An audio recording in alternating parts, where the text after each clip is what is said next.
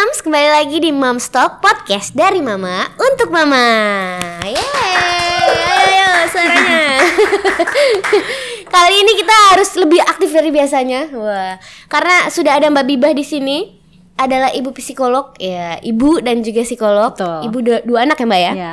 yang satu umur tiga setengah tahun Yes. yang satu lagi Mau satu tahun nih. mau satu tahun wah bentar lagi ulang tahun Iya. Jadi gini, eh, moms, bagi beberapa masyarakat hiperaktif atau ADHD itu selalu dianggap jadi anak eh, nakal, susah diatur gitu ya Mbak Bibah ya. Nah, tapi apakah eh, anak hiperaktif itu selalu nakal dan tidak bisa diatur? Atau apakah sebenarnya eh, nakal dan tidak bisa diatur itu eh, selalu menjadi dampak dari hiperaktivitas? Ya, kita sebaiknya eh, membahas lebih dalam lagi soal hiperaktif itu sebenarnya apa sih Mbak Bibah? Oke. Jadi ADHD sendiri itu sebenarnya gangguan. Mhm. Jadi gangguan di mana seseorang ini nggak bisa memusatkan perhatian. Mhm. Ada yang beberapa disertai dengan hiperaktivitas, Oke. namanya ADHD. Jadi attention deficit and hyperactivity disorder. Kemudian ada beberapa yang memang hanya gangguan perhatian tok. Oke. Jadi ADD, attention deficit, eh, deficit disorder tanpa hyperactivity. Oke. Gitu. Nah, di sini kalau ADHD sendiri gangguannya atau cirinya adalah mereka sulit untuk memberikan atau fokus pada sesuatu hal. Oke. Jadi mereka mengalami gangguan pemusatan perhatian. Oke. Kemudian yang kedua hiperaktivitas dan yang ketiga adalah impulsivitas. Jadi Oke. mereka kesulitan untuk melakukan pengendalian diri atau kontrol gitu. diri. Nah, Jadi eh, hiperaktif itu sebenarnya bawaan genetik atau terbentuk? Oke, ADHD sendiri ya Mbak Mhm, Adis ya. Jadi di sini ADHD sendiri kalau misalnya ditanya untuk faktor resiko eh, faktor utamanya Mhm. ini penyebabnya apa, belum eh, tidak bisa dipastikan. Oh, gitu. Jadi di sini artinya faktornya ini sangat banyak. Oke. Yang pertama genetik, yang kedua bisa diperparah dengan kondisi lingkungan, Mhm. Lingkungan, ya betul. Bisa juga dari masa kehamilan. Oh Nah, gitu. jadi ketika ibu hamil asupannya misalnya minum alkohol atau Oh. merokok itu meningkatkan resiko anak itu terlahir dengan kondisi ADHD. Oh gitu. Gitu. Jadi kalau untuk penyebab utamanya sangat kompleks sekali. Gitu ya bisa bisa ba- berbagai macam Iya, faktor gitu ya. betul.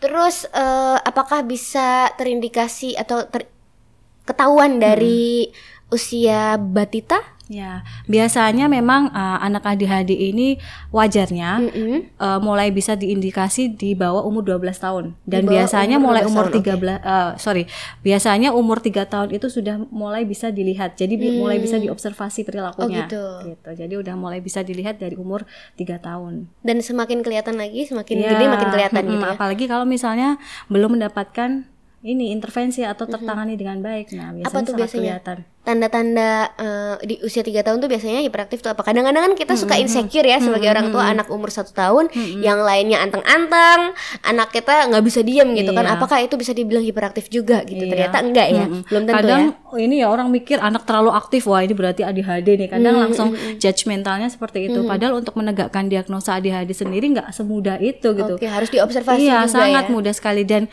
kenapa kok kemudian yang dilihat itu hiperaktivitasnya? Karena itu yang terlihat gitu. Mm-hmm. Kalau sedangkan uh, attention deficitnya atau gangguan pemusatan perhatiannya kan memang perlu observasi yang sangat intensif gitu ya. Mm-hmm. Betul, betul. Apakah ketika mereka melakukan kegiatan mereka gampang terpecah konsentrasinya Mm-hmm. atau ketika misalnya mereka melakukan sesuatu impulsif jadi nggak mikir jangka panjang efeknya seperti apa mereka langsung melakukan sesuatu yang kelihatan tuh kan yang perilakunya yang Mm-hmm. Iya, mereka iya, lari iya, ke sana hiperaktif, kemari manjat-manjat Uh, itulah kenapa kok kemudian orang-orang ngelihatnya kalau anak yang terlalu over mungkin Mm-hmm. dianggap terlalu over wah ADHD nih padahal belum tentu gitu Tentu harus ya. diobservasi lebih Betul. lanjut soal pemusatan perhatiannya tadi ya. Terus eh, apa tuh tandanya kalau usia mulai tiga tahun? Mm-mm. Apa aja? biasanya kondisi-kondisi kayak misalnya mereka ketika dihadapkan pada sesuatu tugas atau misalnya kita ngajak suatu aktivitas mereka ini gampang kepecah konsentrasinya. Oke. Jadi di sini ah, salah satu ciri ADHD itu adalah mereka ini sangat peka dengan rangsang dari eh, sisi mana pun entah dari pendengaran, penglihatan ataupun mungkin mereka sekelebat gitu ngelihat sesuatu langsung ke distrak kayak gitu. Kemudian selain itu cirinya adalah ketika mereka diajak berkomunikasi. Nah, mereka cenderung sulit untuk mengikuti instruksi. Oke. Nah, karena kalau instruksi itu kan kadang gini ya, kita ngasih instruksi mungkin terlalu panjang. Jadi mereka belum selesai dengerin instruksi, mereka udah kabur duluan kayak gitu. Oke, Jadi salah satu cirinya kayak gitu dan mungkin uh, salah satu dan bentuk lain dari bentuk ADHD ini adalah ketika mereka melakukan sesuatu hal tuh pasti nggak selesai. Mhm. Jadi ketika melaku, misalnya mengerjakan tugas atau bermain, mereka gampang pindah-pindah. Mhm. Jadi gampang pindah ke sini, ke distrak mana, ya. iya gitu. Jadi mereka gampang untuk ke distrak sampai jadi konsentrasinya. akhirnya hiperaktif gitu Ya, jadi kelihatannya kan kegiatannya jadi oh, wah mental sini mental sini gitu Heeh. ya kelihatannya orangnya kayak gitu. Oh gitu.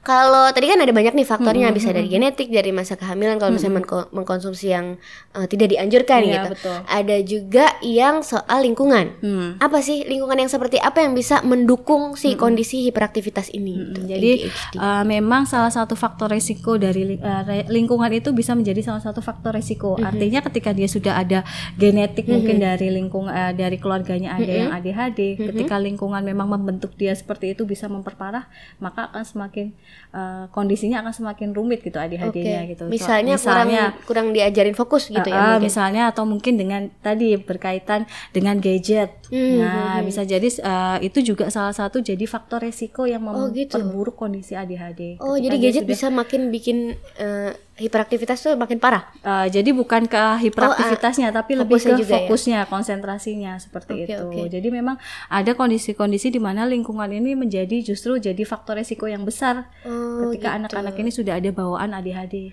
Oke.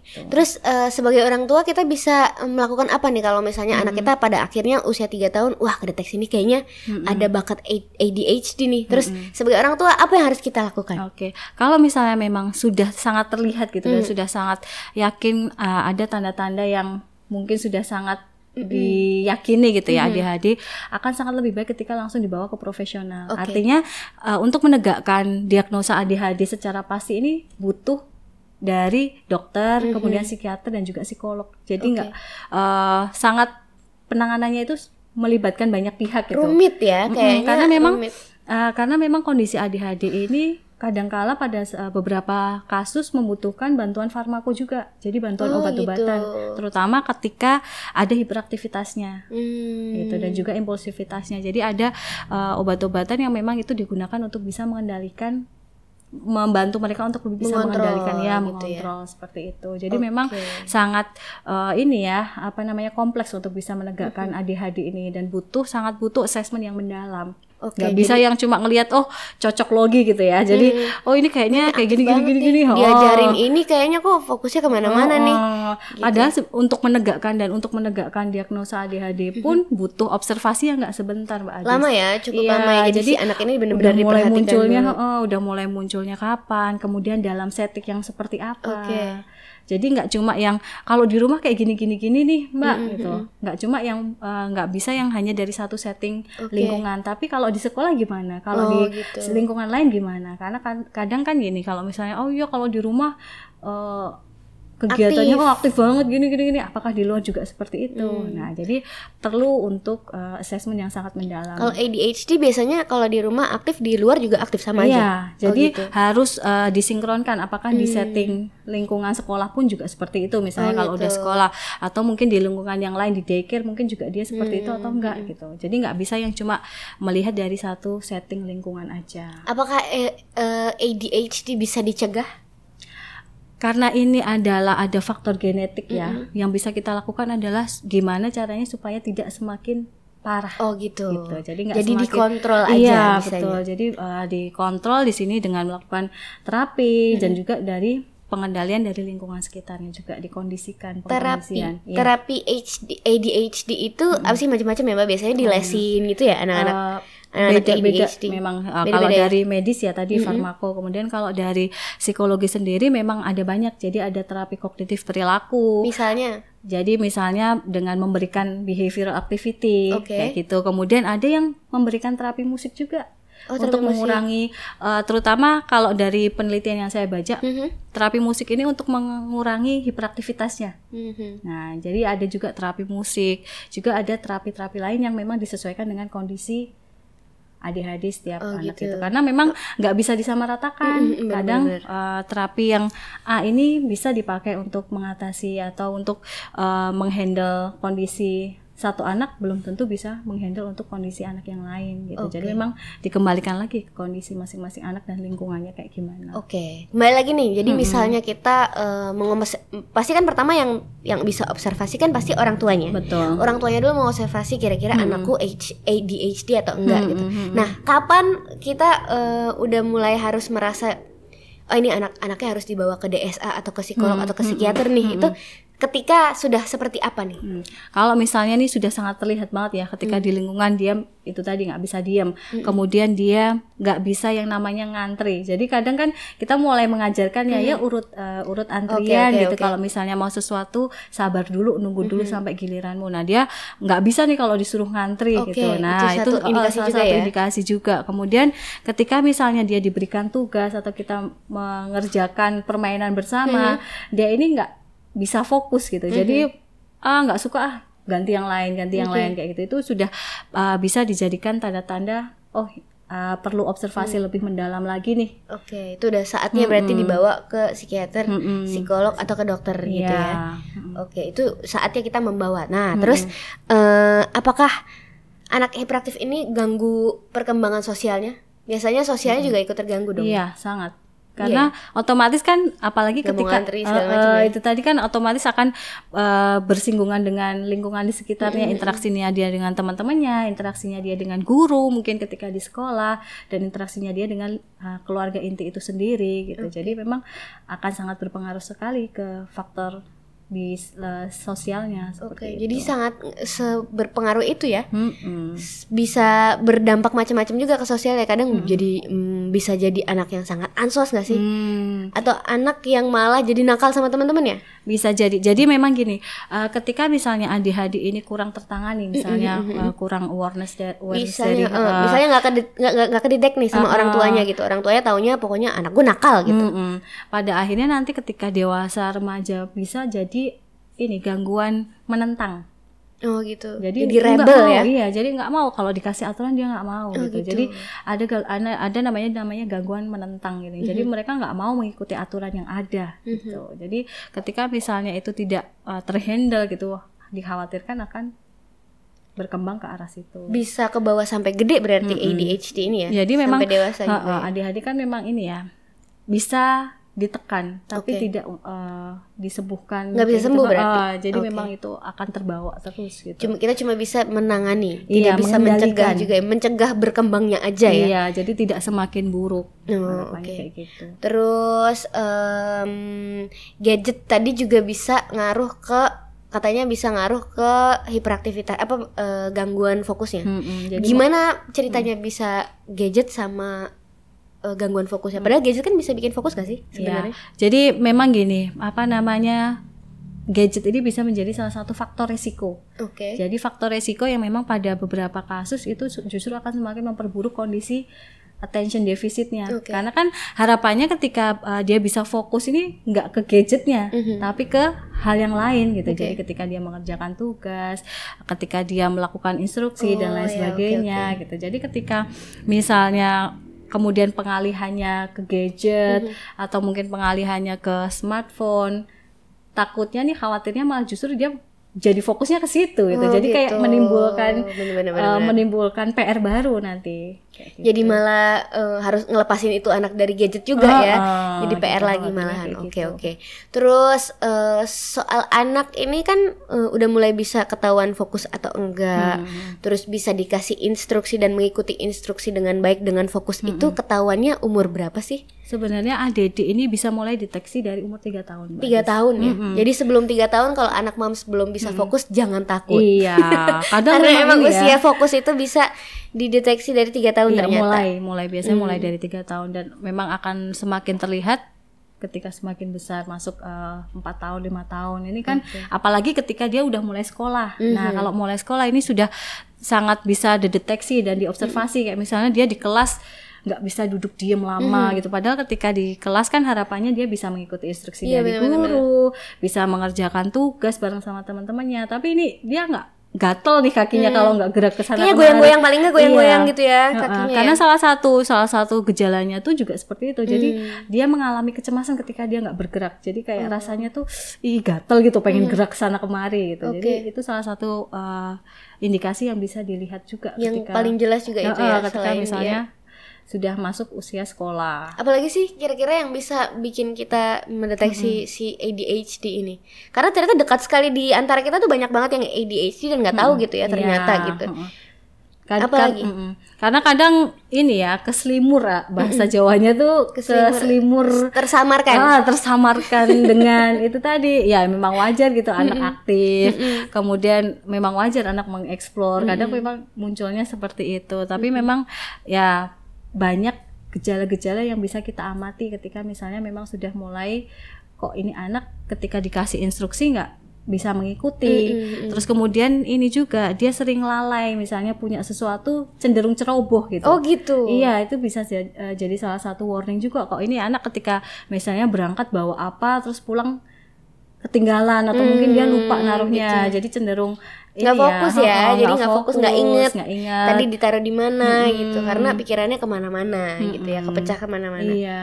Terus eh, soal ceroboh juga nih. Mm-mm. Kalau ceroboh itu salah satu indikator Salah ADHD satu. juga. Mm-mm. Jadi bukan bukan kemudian ini ya apa namanya wah kelihatan banget nih cerobohnya. Itu bisa jadi salah satu Iya. uh, warning juga. Gitu. Oh, gitu. Terus kayak misalnya ketika kita ajakin ngobrol anak itu mereka cenderung sering menyela. Hmm. Jadi belum selesai kita kasih penjelasan dia udah ngomong yang panjang Oh, gitu. gitu. Kita belum selesai memberikan instruksi dia udah kabur ke mana gitu. Itu Hmm, salah gitu. satu juga ciri. Jadi ke- ketika dia kurang bisa mempertahankan interaksi dengan orang lain.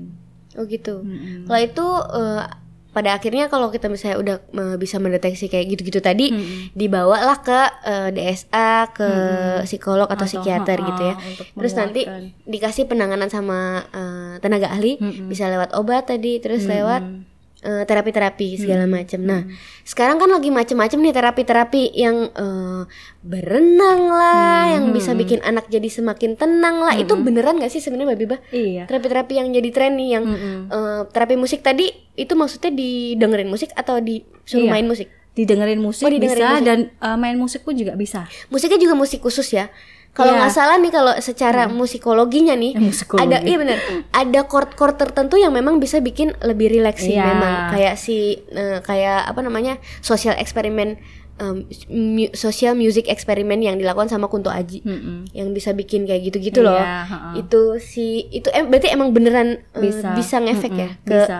Meredam ADHD ini bisa Uh, untuk hiperaktivitasnya khususnya. Jadi bukan ke attention deficitnya tapi ke hiperaktivitasnya itu tadi. Jadi memang untuk yang uh, terapi musik itu nyasarnya ke hiperaktivitasnya. Jadi Oke. mereka biar lebih bisa ngerem, ha, lebih bisa ngerem. bisa tenang Terus mungkin juga Mbak Adis banyak juga pernah dengar ini terapi lumba-lumba. terapi lumba-lumba apa Ah, itu ah, jadi yang anak berenang dengan lumba-lumba. Oh, iya, pernah lihat, Ah, pernah ah, lihat. Jadi eh, berinteraksi dengan lumba-lumba itu juga beberapa saya baca literatur juga bisa untuk mengatasi beberapa gangguan kayak misalnya Tapi- ADHD sama autis. Kalau anak yang tidak dengan ADHD, nggak apa-apa juga dibawa ke tempat-tempat terapi yang kayak gitu.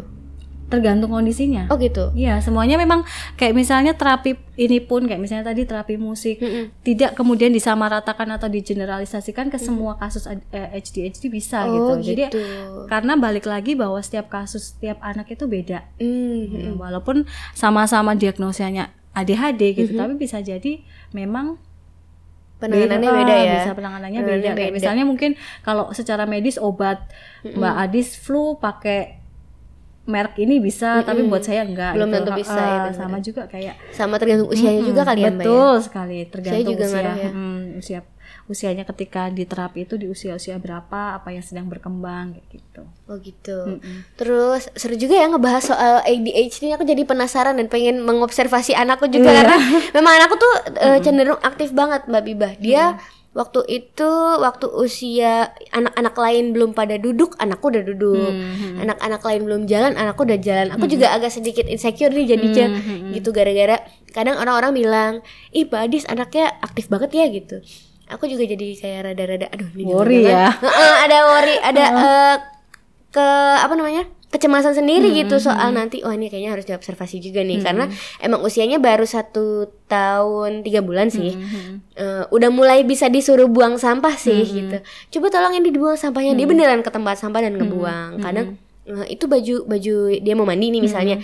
Bajunya eh, dilepas terus kita kita suruh coba taruh di tempat baju kotornya Rumi di mana gitu nanti dia taruh sendiri gitu apakah itu juga bisa menjadi salah satu yang eh, i- i- menjadi salah satu indikasi kalau dia bisa fokus nggak sih Ya, jadi memang aku deg-degan juga Jadi salah satu tanda apakah anak ini bisa fokus apa enggak ketika diberikan instruksi, Oke. dia mau mendengarkan dan bisa melaksanakan instruksi sesuai Oke. dengan yang diberikan atau enggak. meskipun instruksi pendek Ya, meskipun instruksi pendek. Oh gitu Dan juga dilihat ya itu tadi kayak misalnya di observasi sederhana ketika Mhm. dia bermain, apakah dia gampang berpindah-pindah Mhm. mainan, ketika dia melakukan aktivitas apakah dia mudah berpindah-pindah aktivitas Hmm, dari gitu ya. mungkin habis mainan puzzle baru dipasang satu udah ganti yang lainnya gitu. oh gitu Itu memang salah satu ciri khas yang sangat terlihat gitu Oh, gitu. dari Kalau anakku sih cenderung lebih ke satu mainan bisa lama Hmm, banget gitu. hmm, hmm, Bisa sa- mainan sendok sama eh, gelas gitu ya. hmm. Mainan disuapin, ibunya disuapin, boneka box semuanya disuapin itu bisa satu jam sendiri. Oh gitu. Jadi Gitu. asik untuk mainan Asik itu. sendiri ya sih bener. Nah, kalau eh, autisme Mm-mm. itu berarti eh, kebalikannya. Beda Terlalu lagi. fokus atau gimana? Kalau autis ini kan apa ya? Mereka sangat kompleks juga. Jadi gangguannya sangat. Jadi kayak mereka terperangkap dengan dunia mereka sendiri. Nah, Bukan itu dia. terperangkap sih mereka eh, ini ya. Punya dunia eh, sendiri. Punya dunia sendiri. Jadi mereka lebih nggak mau berinteraksi dengan orang Oke. lain. Kemudian dari hal-hal kayak tatap muka, kontak mata itu mereka minim Oke. kayak gitu. Tapi cenderung aktif juga biasanya. Ada Tergantung. eh, ada autis yang dia itu tipenya hiperaktif dan ada yang hipoaktif. Oke. Jadi ada juga yang autis yang dia mem- lebih banyak diem kalau nggak dikasih instruksi mereka nggak melakukan apa pun itu ada juga. Jadi hiperaktivitas juga bisa terjadi sama anak Iya, autis juga. betul. ya? Ada beberapa anak autis yang jadi ADHD ini sebenarnya kadangkala pada beberapa kasus nggak berdiri sendiri Mbak Adis. Oh gitu. Jadi ada gangguan penyertanya. Oke. Nah, salah satu yang paling sering juga autis. Jadi autis Oh, dengan gitu. ADHD. autis dengan ADHD. Iya. ADHD tadi sendiri adalah gangguan fokus itu tadi ya. Hmm, Jadi autis dengan hiperaktivitasnya juga. Dan autis juga memang bener-bener beda-beda setiap anak ya Mbak Biba. ya? Iya.